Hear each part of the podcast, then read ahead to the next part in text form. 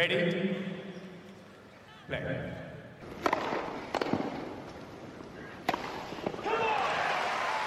Merhabalar, Raket Servisi hoş geldiniz. Ben Gökalp. Ben Anıl, merhaba.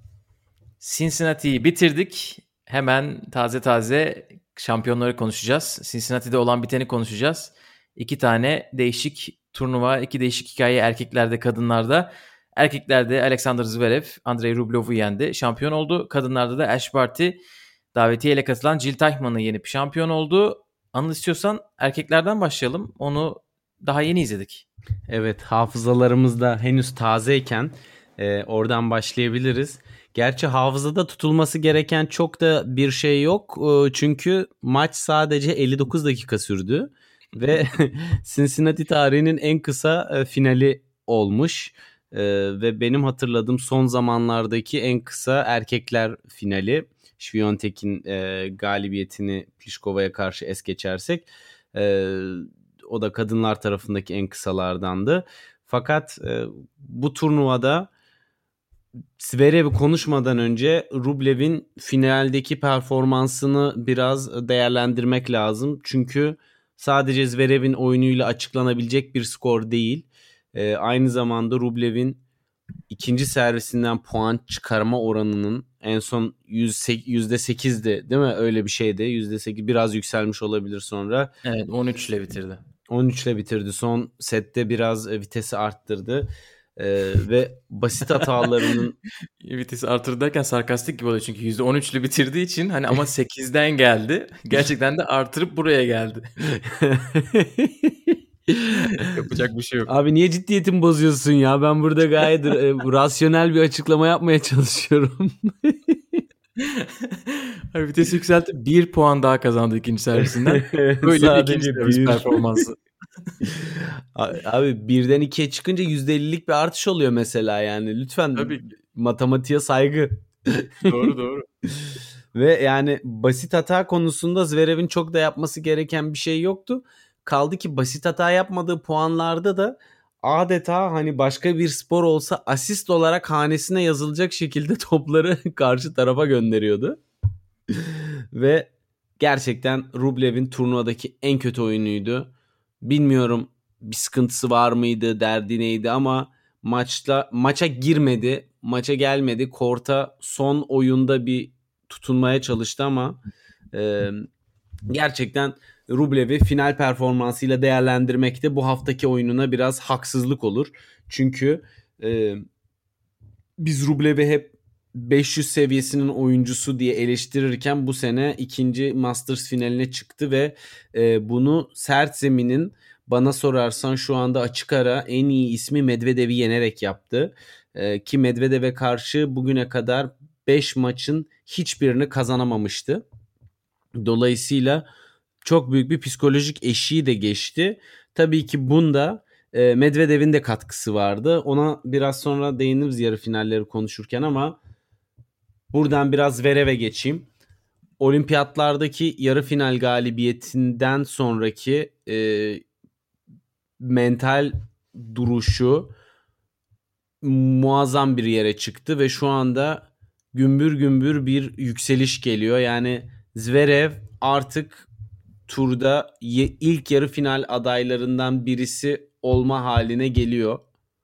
Çünkü Zverev'i Medvedev ve Tsitsipas'tan ayıran en önemli özelliği hem sert zeminde hem de toprakta iyi performans göstermeye uygun bir oyun stilinin olması. Hani Medvedev ve Tsitsipas tabii ki onlar da iki zeminde de belli bir seviyenin üstündeler ama bana sorarsan her zaman e, Zverev sert zeminde Tsitsipas'a karşı bir tık önde. Medvedev'le kafa kafaya toprakta Tsitsipas belki bir tık öne geçebilir e, Zverev'e karşı ama Medvedev'e karşı orada önde. Yani genele baktığın zaman e, en kapsamlı uygun oyunlardan birisi Zverev'in şu anda. Fakat en önemli nokta servisi. Birinci servisine olan e, ihtiyacı hala çok çok yüksek seviyede ve e, oradan bir eksiklik geldiği zaman bu hemen oyun stiline yansıyor. bu kırılganlığı da aştığı takdirde çok farklı bir noktaya gelecek bence Gökalp. Ben o ben biraz daha iyimserim. Ben Zverev'in ikinci servis performansını da beğendim bu hafta. Ee, ama genel olarak servis oyunlarında çok hakimdi. Yani bu bugün oynanan maç e, hani böyle bütün haftanın getirdiği dalgaydı. Hani böyle çeyrek finalde Ruda hiç göz açtırmadı. Ondan önce Pella hadi biraz o kolay bir kuraydı ama Lloyd Harris maçı mesela güzel bir maçtı Zverev için. Ee, ben genel olarak çok pozitif buluyorum oyununu. Kesinlikle. Çünkü sadece e, hani serv birinci servis değil rally içerisindeki e, agresyonu da yani çok fazla atak yapıyor. Eskiden bu kadar atak yaptığını hatırlamıyorum ben Zverev'in. E, o yani böyle kontra piyede çok bırakmaya çalıştı. Bugün Rublev'u da çok bıraktı bence.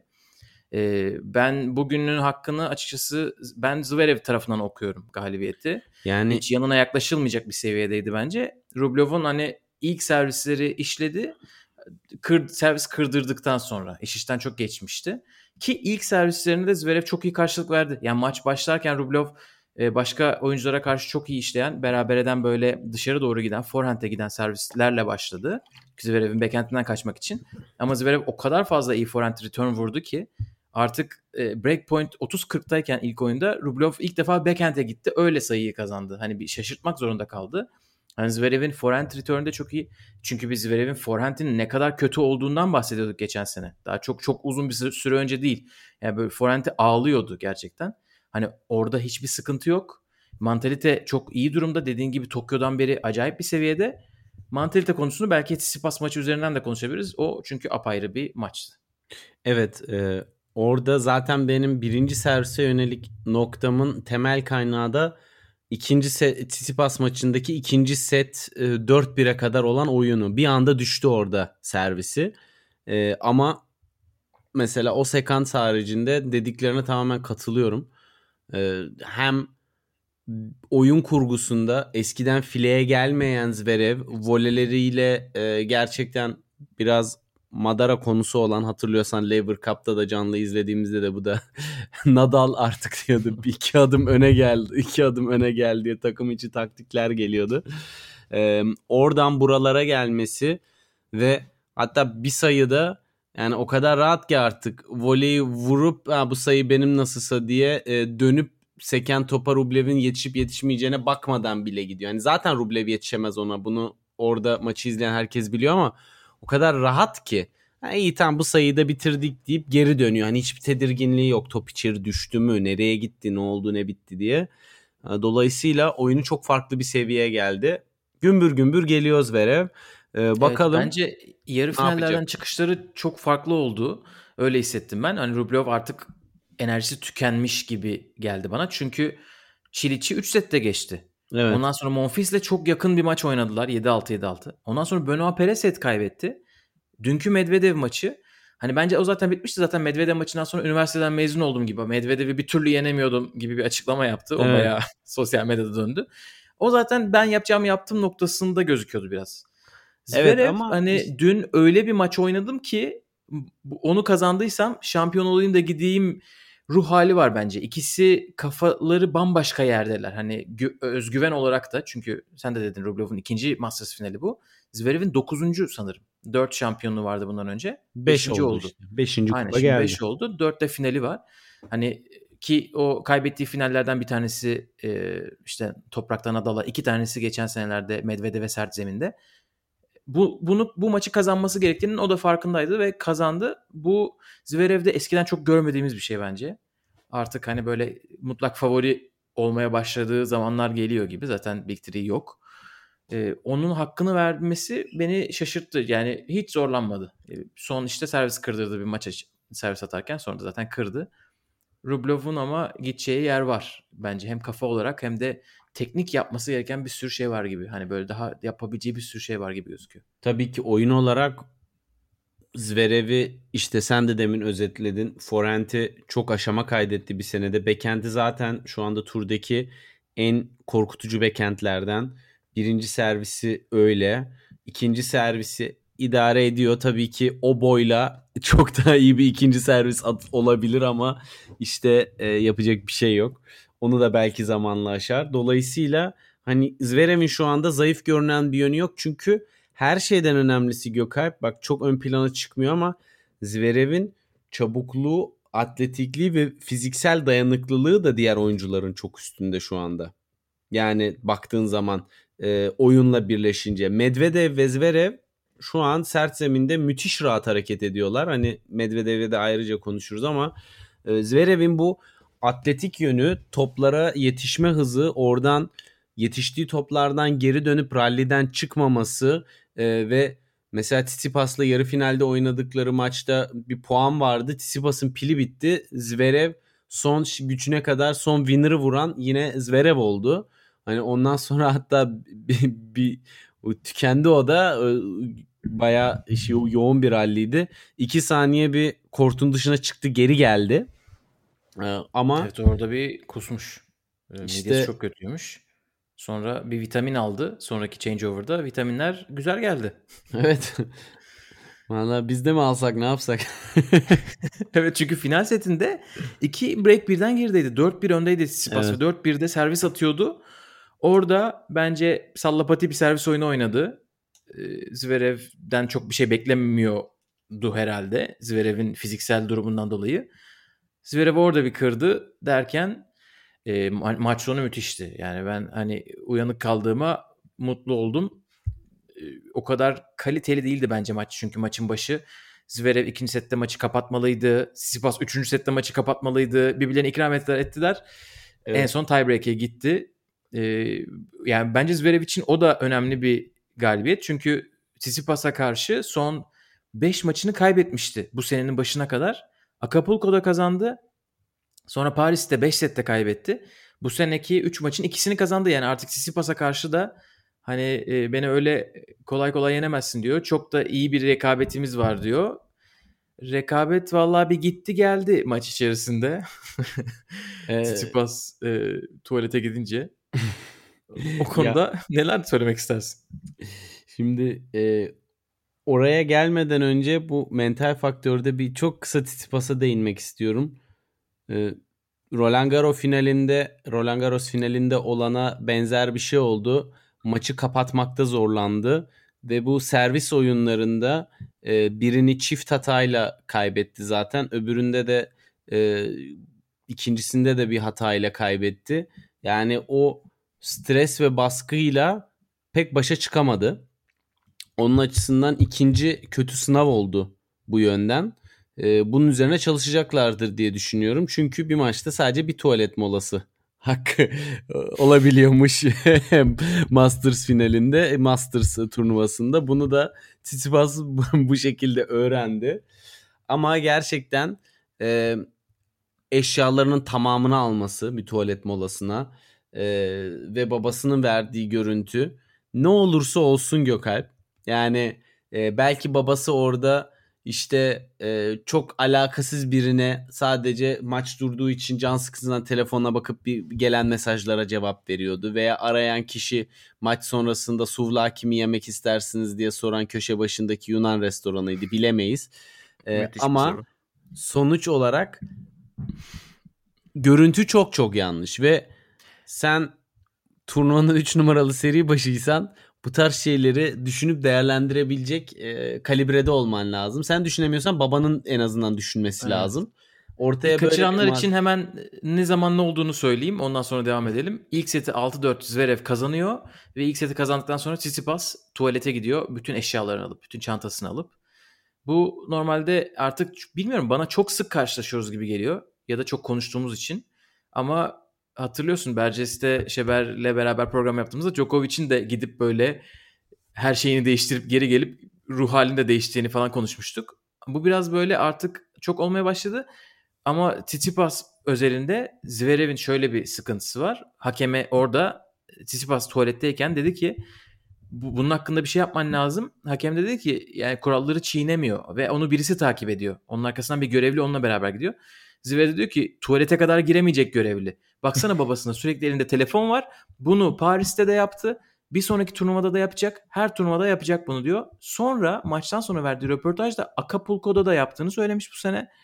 Ee, ve Tsitsipas bunu Cincinnati'de bu hafta 3 ya da 4 defa yaptı. E, Felix'le maçında çeyrek finalde e, ikinci sette maçı kapatamıyor. Aynen senin söylediğin gibi dünkü gibi. Maç sayısı kurtarıyor Felix. Seti kazanıyor. Tsitsipas yine tuvalete gidiyor. Artık bu böyle onun özelinde çok bilindiği için Zverev bence bir patlama yaşadı. Ee, Haklı için, da bir patlama. Evet çünkü haklı olduğunu Tsitsipas gösterdi. Üçüncü setin başında tekrar gitmek isteyince hakem dedi ki hayır maç başı bir tane hakkın var. Eğer şu anda gidersen set arası süresince gitmek zorundasın. O da 90 saniye. Ve geciktiğin her 25 saniye boyunca gecikme cezası alacaksın. O da işte önce uyarı oluyor sonra birinci servise gidiyor sonra puan gidiyor. Tıpış tıpış yerine oturdu paşamız bu ceza lafını duyunca. Demek o şey kadar yani. da tuvaleti yokmuş Gökalp. Tabii bütün bu şeylerden sonra bugün Rublov tuvalete gitti.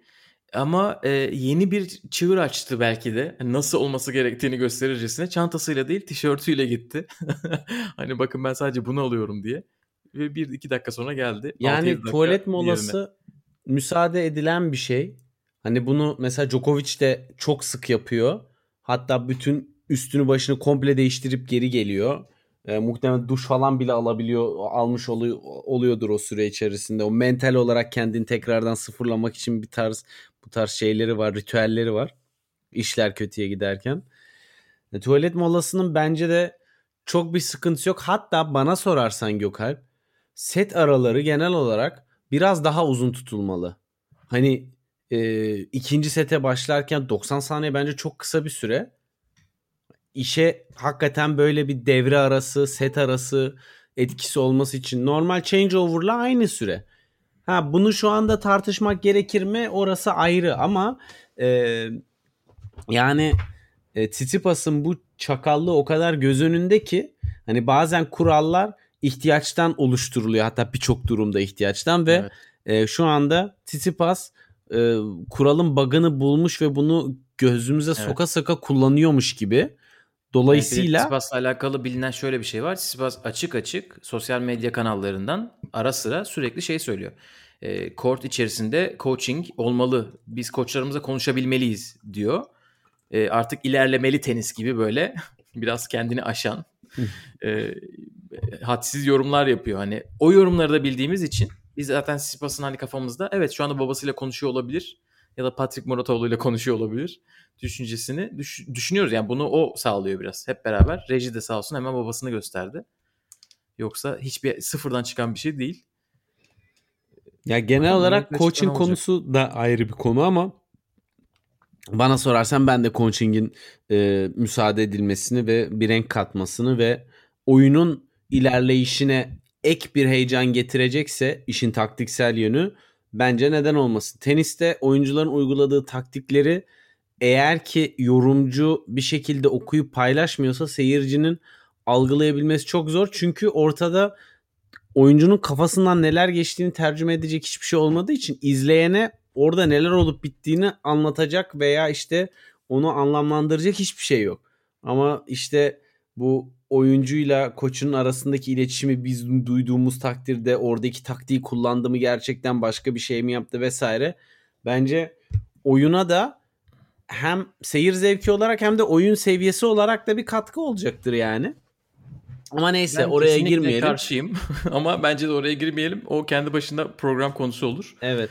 Ee, istersen öbür tarafa geçelim. Medvedev burada bir numaralı seri başıydı.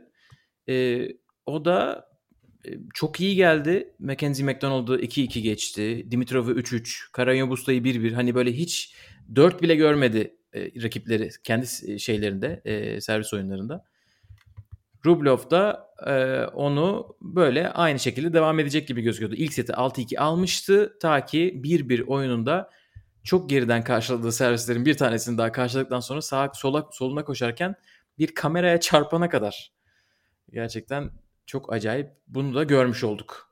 Ve o kameraya çarptı ee, ve onun üzerine hakem hemen olay yerine geldi. Kamera, kamera devrildi e, Medvedev'in ilk ve çok insani olarak baktığı şey e, kameramana bir şey oldu mu diye.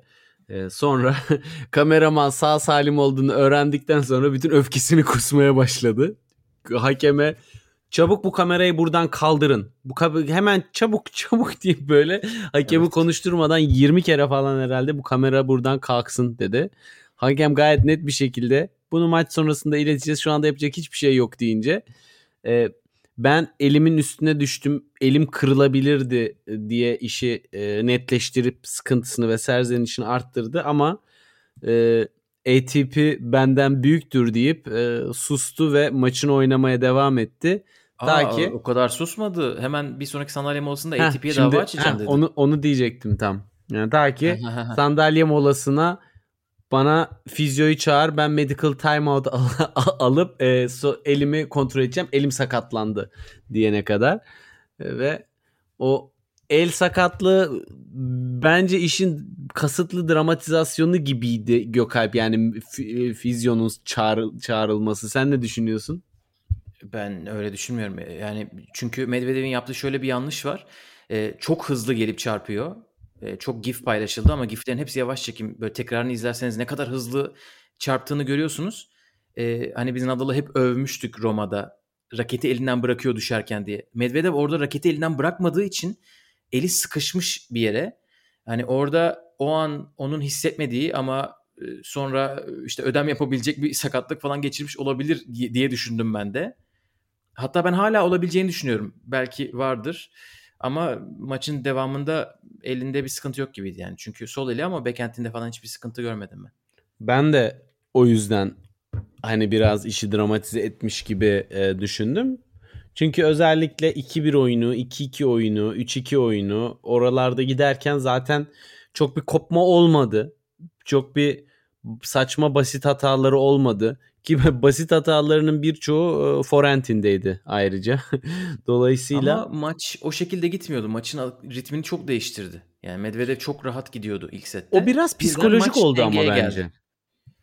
Ama yani fiziksel de olabilir ama onun yani fiziksel mi acaba diye düşünmekten dolayı da olabilir ya da tamamen psikolojik de olabilir tabii ki. Ee, hiç olmaması gereken bir şey. Tabii burada bence gerçekten bu kamera işine bir çözüm bulunmalı. Ee, Medvedev neden o kadar arkadan bekliyor diyenler var. Öyle bir şey ben hayatımda duymadım. Abi Kort ne istediği kadar yerde bekler. O kadar kullanır. Aynen Zaten- Philippe Chatrier'e siz o kamerayı koyarsanız Nadal 2005'te çarpardı. Kaldırılırdı o. Evet. Evet. E, Kortun Ve- tamamen alanını kullanabilirsiniz oyuncu olarak. Ya kortun tamamını da kullanma. Tribüne çıkıp da vurabilir topa. İstediği gibi şey yapar yani. Ee, ve ya, da. burada ha, bunları da gördük Gökalp. hani, e, hani biz şeyleri konuşuyoruz. O çizgi hakemleri varken zaten e, önlerindeki reklam panolarının bir sıkıntı yaratma olasılığı ki çok yaratıyor. Özellikle e, Tabii. Lacoste reklamıyla çok bağdaştırıyorum bunu. Onlarınki çünkü çok en oyuncuları kızdıran yerleşimler oluyor. E, Şimdi çizgi hakemi kalktı. Onlar da biraz arkada alanı daraltıyordu. E, Burada da çünkü direkt otomatik canlı e, Şahin Göz uygulaması vardı e, turnuvada. E, o kalktı. Abi kameramanı niye koyuyorsun oraya ya? Yani bunun tek sebebi var Gökalp. Arkaya bir alan yaratıp seyirci kapasitesini düşürmek yerine oyuncuların ağzına sokalım kamerayı. Tamamen ticari bir şey bana soracak olursan. Burada yani alan kullanımı olarak. Ve çok yanlış da bir şey. Hani burada bu Medvedev'e oldu. Başka bir şey de olabilir. Yani kamera dediğin hiçbir oyunda ben bilmiyorum ki oyun sahasının içerisinde bir kamera olsun. Basketbolu düşündüm yok abi. Futbolda zaten yok. Yani beyzbolu gösterdiler e, fotoğraf olarak. Orada da böyle bir kafes gibi bir şeyin arkasından. Orada da yok. Yani Amerikan futbolu ya hangi sporu düşünürsen düşün oyunun sağ kullanım sahasının içerisinde hiçbir kamera yok abi. Evet. Çok ilginç. Tabii yani Medvedev çok arkadan karşılıyor ama yapacak bir şey yok. Kortun içinde olduğu için adam. Ee, tabii o, onun gösterdiği tepkiden dolayı sanki böyle haksızmış gibi gözüktü ama e, o onun yaşadığı işte başka bir şey yani E, çok değişik bir olay. E, istiyorsan şey yapalım. Bu isimler hakkında nasıl düşünüyorsun Amerika açık öncesi? Kısaca bir öyle konuşalım. Sonra da kadınlara geçelim. Evet güzel yerden yakaladın soruyu. Hani Ee, Djokovic'in durumunu açıkçası çok merak ediyorum. Yani zımba gibi top fit bir şekilde gelecek mi? Ee, durumu nasıl? Çünkü o da sakatlıkları konusunda çok ketum bir isim. Aynı Nadal gibi. Nadal'ın durumu bu kadar sıkıntılı olduğunu bilmiyorduk. Onu sonra konuşuruz. Ee, ama bence Djokovic'i denklemin dışında bıraktığımız zaman e, Zverev ve Medvedev uzak ara sert zeminde şu anda turu domine eden iki isim. Berettini'nin bekentsizliği e, sert zeminde onun en büyük handikapı. Rublev'un oyun varyetesinin azlığı onun en büyük handikapı. E, Tsitsipas'ın oyunu esasında tabii ki sert zemine çok uygun ama bence Medvedev'de, Zverev'de onun bir tık önünde. İyi bir gününde Tsitsipas ikisini de yenebilir. Ama genel pik performanslarını masa, masaya yatırdığımda e, Medvedev ve Zverev birbirine çok yakın. Bir tık arkada Tsitsipas var. Sonra uzun süre sonra şu anda ciddi bir tehdit oluşturan kimse görünmüyor Gökhan. Evet ben de katılıyorum. Medvedev ile Zverev e, en büyük e, tehditler olacaklar gibi geliyor bana da Djokovic için. Kadınlara geçmeden önce Zverev dedik, Zverev dedik bir sürü Zverev konuştuk. ATP'nin bir haberi var onu paylaşalım. ATP dün yayınladığı bir sanırım e, basın açıklamasında dedi ki biz artık bu e, taciz olayları, e, hane şiddet olaylarına e, yönelik bir e, çalışmaya başladık. Çünkü önceden hiçbir şey yapmıyorduk ve tamamen mahkemelere bırakıyorduk. Mahkeme ne derse ona göre hareket ediyorduk. Ama artık daha proaktif davranmak istiyoruz.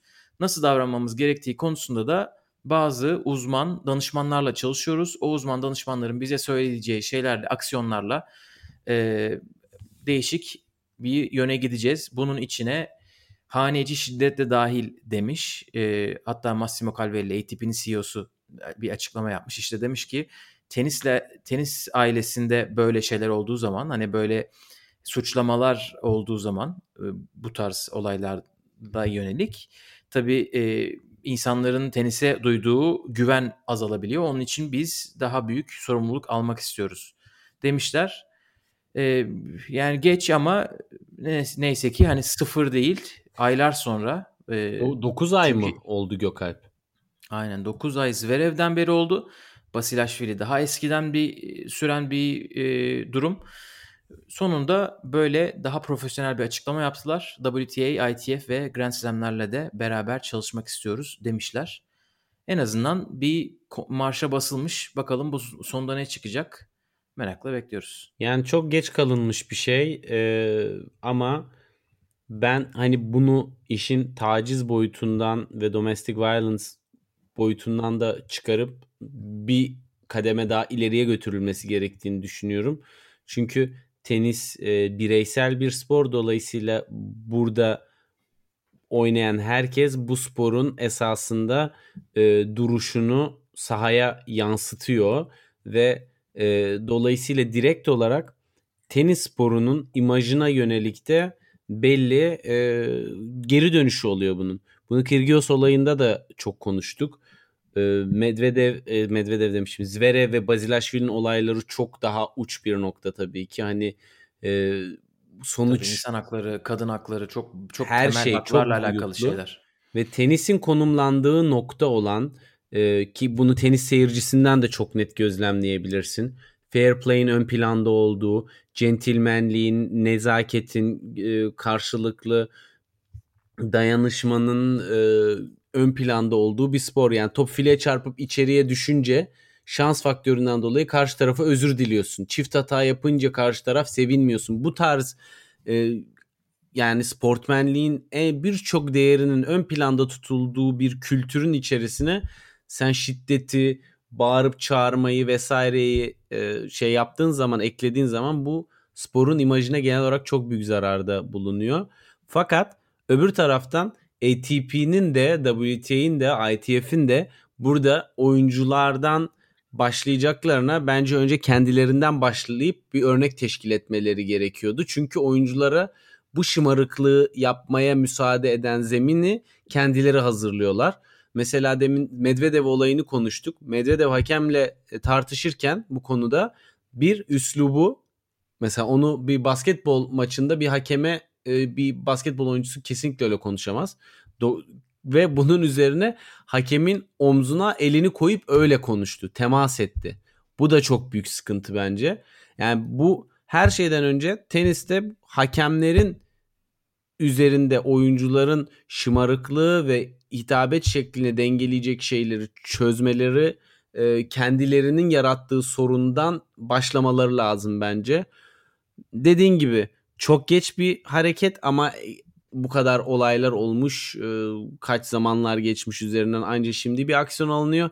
Fakat nereden başlarsan kardır diye düşünüyorum. Ama biraz daha samimiyetlerine inanmak için oyuncular üzerinden değil kendilerini düzeltmekten başlamaları lazım bence. Kurum olarak rol model olmaları açısından. Evet biraz o zaman e, daha light bir yere geçelim. Bu sıkıntıların hiç yaşanmadığı güzel WTA'ye. Beni biliyorsun gazımı alınca ben çok sert girerim yani. evet şimdi ben de bir şey söylesem bu konu böyle gider. Bu sadece bunun üzerine bir podcast olur. Onun için hemen kadınlara geçmek istedim. Evet Ash Barty dünya bir numarası kazanmaya devam ediyor. Artık Master Hak ederek sayısı... bir numara Gökalp. Hak ederek bir numara. Aynen. Aynen Master sayısı sonunda Grand Slam sayısını geçti. Böyle şeyler söylüyoruz Barty için, Osaka için. Saçma sapan istatistikler gerçekten. Aynen. Barty Wimbledon'da ne yaptıysa Cincinnati'de de aynısını yaptı. Krejcikova'yı yendi. Kerber'i yendi. Az kalsın Pliskova ile de oynayacaktı ama Jill Tayman sürprizler sürprizler. Finale kadar çıktı davetiye ile geldiği turnuvada. Finalde Jill Tayman'ı yendi. Çok e, ya, ya, bence Jill Tayman tarafından belki başlamak gerekirse çünkü onu çok konuşmadığımız için e, ben oyununu çok beğendim. Onu çok eskiden ismini biliyoruz. 2014'te İpek Soylu ile beraber Amerika açıkta şampiyon olmuşlardı. E, genç kızlar çiftlerde. Ondan sonra çok açıkçası göremedik. E, 2019'da iki tane WTA şampiyonluğu kazandı. İkisi de topraktaydı. İnsanlar acaba bu toprakçı mı öyle bir imaj mı var derken aslında şimdi görüyoruz ki ki bu sene gerçekten aslında iyi başarıları vardı e, sene başında. E, özellikle Dubai'deki semi e, yarı finali e, çok iyi bir sonuç. Hani oradan sonra çok büyük sakatlıklar geçirmiş. Hani hayatımın en kötü aylarıydı diyor. Ondan sonra gelip şu anda ilk defa arka arkaya iki maç kazandı. Hadi o iki maç kazandığı yetmemiş gibi Bernardo Pera'dan sonra gitti e, Naomi Osaka'yı geçti.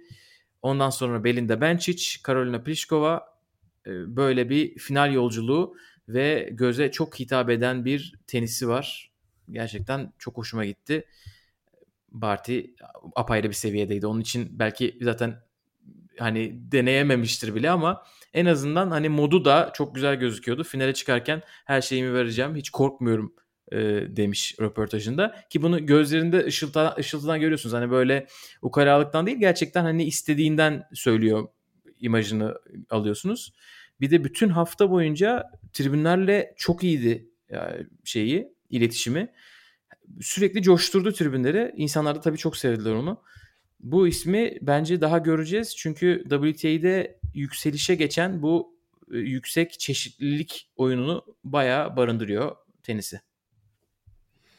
Ee, istiyorsan ben de önce eş partiden başlayıp sonra Taykman özelinde konuşayım. Ee, Tamamdır. Ya Barty mesela böyle oyununu inceliyorsun. Hani sadece final maçında değil. Diğer turlardaki maçlarda da Wimbledon'daki oyununda da yani bir kere o boyla ancak bu kadar etkin bir servis kullanımı olabilir. Yani maksimumunu evet ya, kullanıyor. bir şey. Bence Değil mi?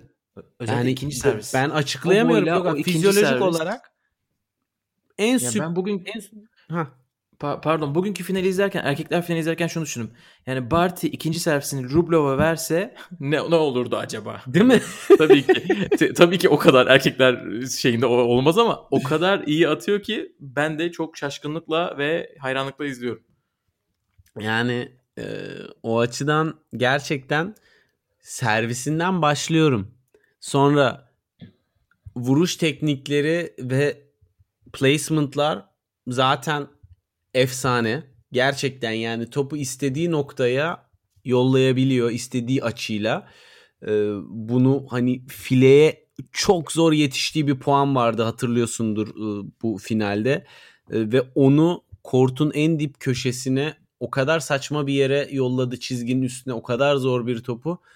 Jill de sonunda güldü yani. yani bunu da alıyorsan bu şekilde Evet, bu evet, sayı bir helal puandı. olsun diye. Yani Aynen çok iyi puandı. O hakikaten böyle birçok eş partinin kuvvetli yönünü özetlese de biraz daha arka planda kalan en en benim beni etkileyen yönü esasında puan kurguları.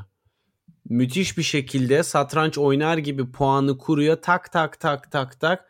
Çok aşırı güç kullanmadan sayıyı e, winner'la bitirebiliyor. Yani böyle çok aşırı hızlı top, çok riskli top vesaire değil. Tamamen sahada sahayı kullanımı, geometri vesaire ile oyunun kortu açıp rakip artık böyle 5 hamle sonra mat edeceğim diyor ve ediyor da. Yani biraz oraya getiriyor. Bu, ben bu- onu Barty'de gördüğüm kadar hiç kimse de görmüyorum bu arada. Yani hiçbir vuruşu boşuna gibi gelmiyor bana. Hani bir sürü oyuncuda sırf karşılık vermek için bir vuruş yapıyorlar. Ama Barty'de belki %5'tir. Gerçekten Evet. hani o, o oyun kurgusunu ben de o şekilde gözlemleyebiliyorum. Ve hani buna bak bunların hepsini bir araya getirdiğin zaman iyi gününde bir Barty böyle çok sergen yorumu olacak böyle iyi gününde bir sergen. iyi gününde bir Barty'yi şu anda turda e, yenebilecek kimse yok. Çünkü zaten o seviyede olan oyuncuların hiçbiri de şu anda formda değil Gökalp. Evet ben Amerika'da iyi günde bir Barty ve iyi günde bir Osaka finalini görmeyi çok istiyorum. İşte iyi günde bir Osaka'yı ne zaman göreceğiz tekrar ben onu merak ediyorum. Hala Evet. Grand Yani- Slam şampiyon Ay- olduğu için bence geri gelebilir gibi geliyor ama tabii hiç öyle bir emare yok. şu anda Tayfun'a daha yok. yenildi. Hiç Ama bu arada odaklanmış Kokogov gibi bir maçında- oyunu yok. Yok Kokogov maçında çok güzel oynadı. Ee, yani o çok böyle kıyasaya bir maçtı. Doğru söylüyorsun bak o maçı atladım. Evet o erken turların en güzel maçıydı zaten. Ama Tayman Tayman'a karşı ama- mesela Tayman'ın da çok hakkını yemek istemiyorum ama esas yani Osaka'nın oradaki seviyesi biraz da Tayman'ı ön plana çıkardı bence. Evet bilmiyorum Osaka'yı göreceğiz hani Amerika'da ne durumda olacak ama ben de bütün Barty övgülerine katılıyorum. Bir de üstüne bu hafta çünkü Barty'nin bir slice'ını çok konuşuyoruz belki. Bu hafta ben forehand'ine bayıldım. Böyle bir forehand yok yani. Hani istediği her şeyi yaptı forehand'le. Dediğin gibi o bütün açıları, bütün derinliği, hele e, paraleli bu, bu hafta coştu. Azarenka maçında Azarenka'yı ya tokatladı baya. Ondan sonra Kerber maçında da Kerber'in forehand'ine doğru paralel forehand'ler çok iyiydi. E, ya onun şöyle bir sıkıntısı olabilir di- diyordu insanlar. Sene başında Avustralya'dan ayrıldığında dünya turuna çıkacağı kesin de hani Avustralya'ya bir daha dönmeyecekti. WTA sezonu kapanana kadar. Bu çok yorucu bir şey.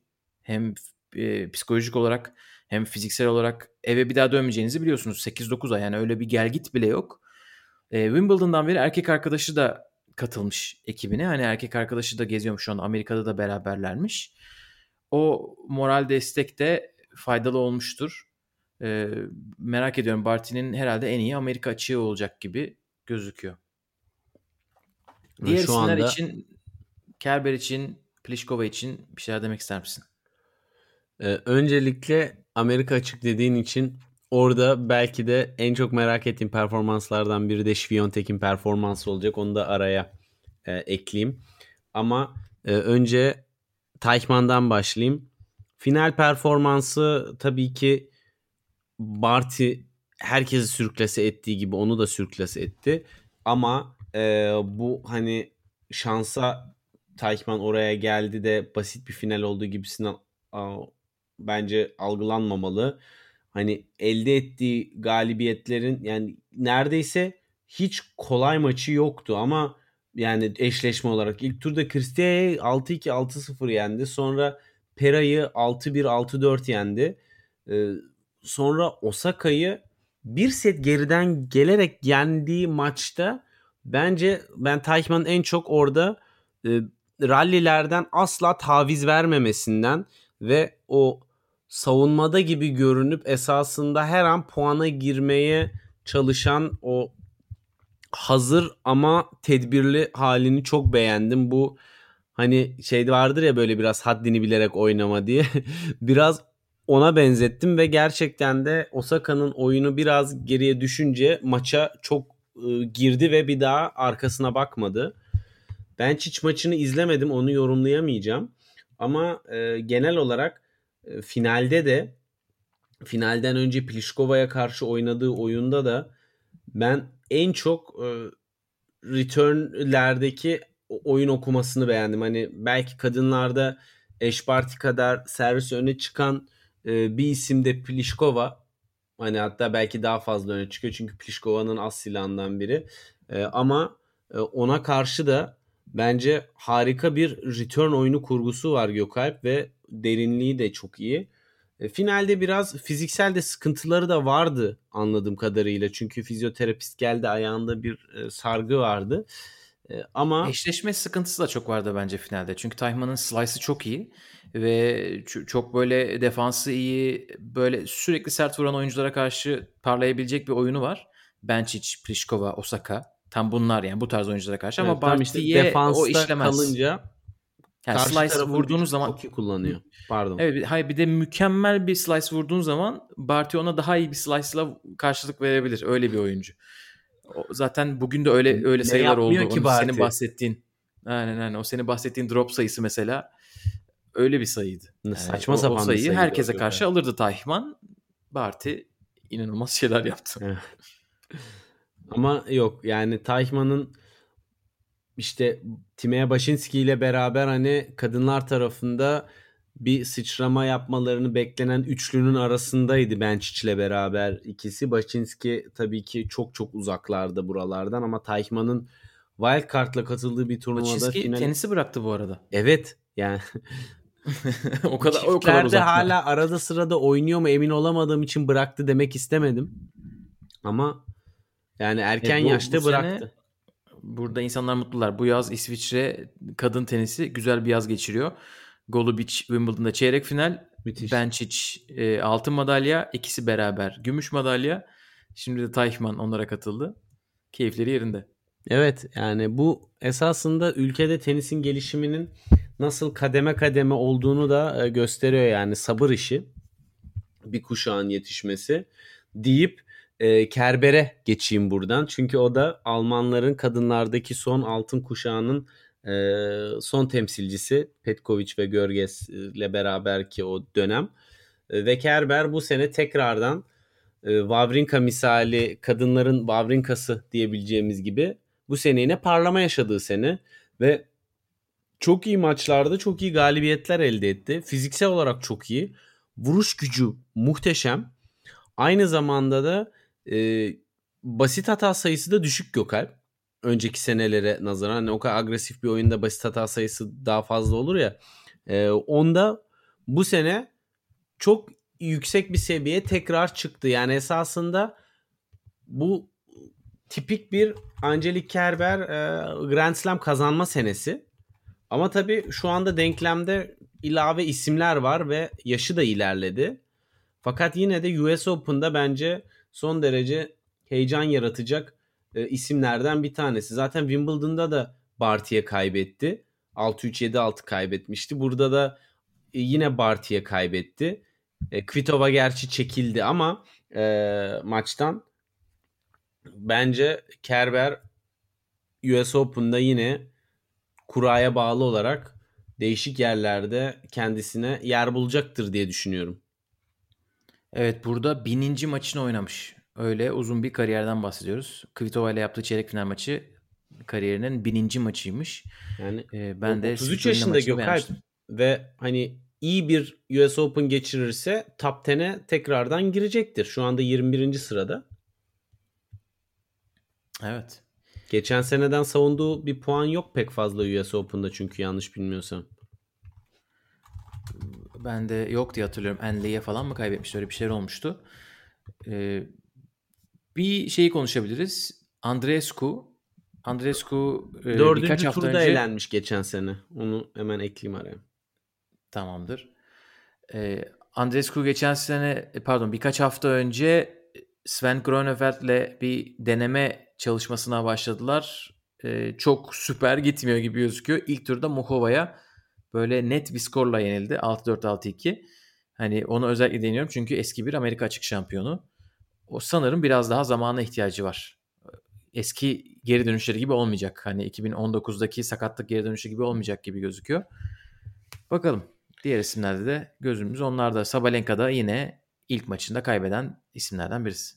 Evet yani e, Sabalenka bu turnuvanın hani hayal kırıklığı diyebiliriz. Kokogov Osaka'ya yenildi. Normal bir mağlubiyet ama Sabalenka e, biraz sürpriz oldu. Ama sakatlıklardan artık daha fazla e, yani gerçekten tenis camiası matem havasına büründü artık. Dominic Thiem, Nadal vesaire. Vallahi yorulduk be Gökalp. Evet en son Nadal da açıkladı sezonu kapattığını. Biz seziyorduk hani böyle söylentiler var diyorduk. Zaten İspanya doktorunun yanına gitmişti. Gerek yok demiş. Ee, geçen sene de gitmemişti Amerika'ya. Sağ olun ben almayayım dedi. Washington'ı gördüm bana yeter dedi. Washington'a gitmez olaydım demiştir artık. Ee, tabii üzücü ama Nadal Federer'e kıyasla tabii ki haliyle çok daha pozitif bir mesaj. Hani geri dönmek için her şeyi yapacağım, uğraşacağım. Hani onun mesajında çok daha fazla tenise geri dönüş e, vurgulanmıştı. O şekilde kendimizi teselli edebiliriz. Ama yani e, şöyle ki hakikaten yani Federer'in bu 37 yaşında tekrardan böyle ana sahneye böyle parıl parıl geri dönmesi e, tenisi oynama yaşı, tenis kariyerini bitirme yaşını algısal olarak çok farklı bir noktaya çevirdi. Hani Nadal'ın oyununda bence bu kadar e, geç böyle ciddi sıkıntıların olması e, bile bence sürpriz e, esasında. Hani bu zaten kariyerinde daha önce de yapmadığı şeyler değil. Böyle bir Amerika'yı es geçmesi vesaire. Hatta bu bundan dolayı da sadece toprakçı diye çok eleştiriliyordu kariyerinin uzun bir döneminde. Fakat bunu uzun süredir çok fazla görmüyorduk. Tabii pandemi haricinde geçen sene pandemiden dolayı da e, gelmemişti Amerika'ya. E, dolayısıyla orada da artık bir devrin sonuna mı geliyoruz diye bir algı da oluştu. E, ama bakalım yani ne olacak? Çünkü Nadal'ın oyunu da çok fiziksel güce dayalı ve esasında yıpratıcı bir oyun hani oradan o yıpranmalardan dolayı oluşan sakatlıkların kalıcılığı biraz daha fazla olabilir gibime geliyor Gökalp ve geri döndüğü zaman da nasıl hissedecek, psikolojik olarak nasıl rahat hareket edecek, ne yapacak? Bunların hepsi büyük soru işaretleri. Evet evet aynen öyle. Bakalım inşallah önümüzdeki sezonun başına yetişir ve Dominic Thiem de hakeza izlemeye devam ederiz. Evet Amerika'da onlar olmayacak ama olacak bir sürü isim var. Ee, Djokovic, Medvedev, Zverev, Tsitsipas. Kadınlar tarafı zaten neredeyse tam kadro. Serena'yı bilmiyoruz. Serena'dan henüz bir açıklama gelmedi. Bir de bizden isimler de olacak. Üç tane Elemeler, de Türk var. Elemeler başlıyor. Ben geçen bölüm gaz bir halde dört Türk ile beraber gidiyoruz demiştim. Pemra'nın sıralamasının düştüğünü unuttum. Ee, Pemra ne yazık ki bu sefer Amerika'da yok. Ama Çağla Büyükakçay, Altuğ Çelik Bilek ve Cem İlkel takımımızla oradayız. Böyle çok takım modundayız. Olimpiyattan çıktığımız için. Team böyle Turkey böyle ile paylaşılıyor zaten şu anda biliyorsun. Böyle mi, böyle milli takım havası o o moddayız çok fazla. Bir de tabii Türk finali oynadı bu gençler daha Temmuz daha ayında. Ee, bir de Cem'in doğum günü yüksek. o da kutlu olsun buradan. 26 yaşına girdi. Aynen onun doğum gününü de kutlayalım. 24 Ağustos Salı günü eleme maçları başlıyor. Cuma günü de son maçların oynanması planlanıyor. Tabii şu anda Amerika'da bir hortum varmış. Ee, onun için acaba bu sekteye uğrar mı bilmiyoruz. Bugün mesela biz kaydı pazar günü alıyoruz. Bugün e, tenis kortlarına almamışlar oyuncuları. Pazartesi inşallah antrenman yapabilirler yoksa sıkıntı. Ekip konusunda bir parantez daha açmak istiyorum Gökalp. E, biliyorsun 3 oyuncumuz da Enka'nın oyuncusu. E, Bora Hoca da orada zaten Cem'le ağırlıklı olarak çalışıyor ama e, gerçekten Enka'nın tenise, Türk tenisine katkısının ne kadar büyük ve önemli olduğunu bir kez daha bu turnuvada da görmüş oluyoruz. Hani onların da bir takım havasında olmasında e, en önemli etkenlerden biri de aynı kulüpten oyuncuların olması.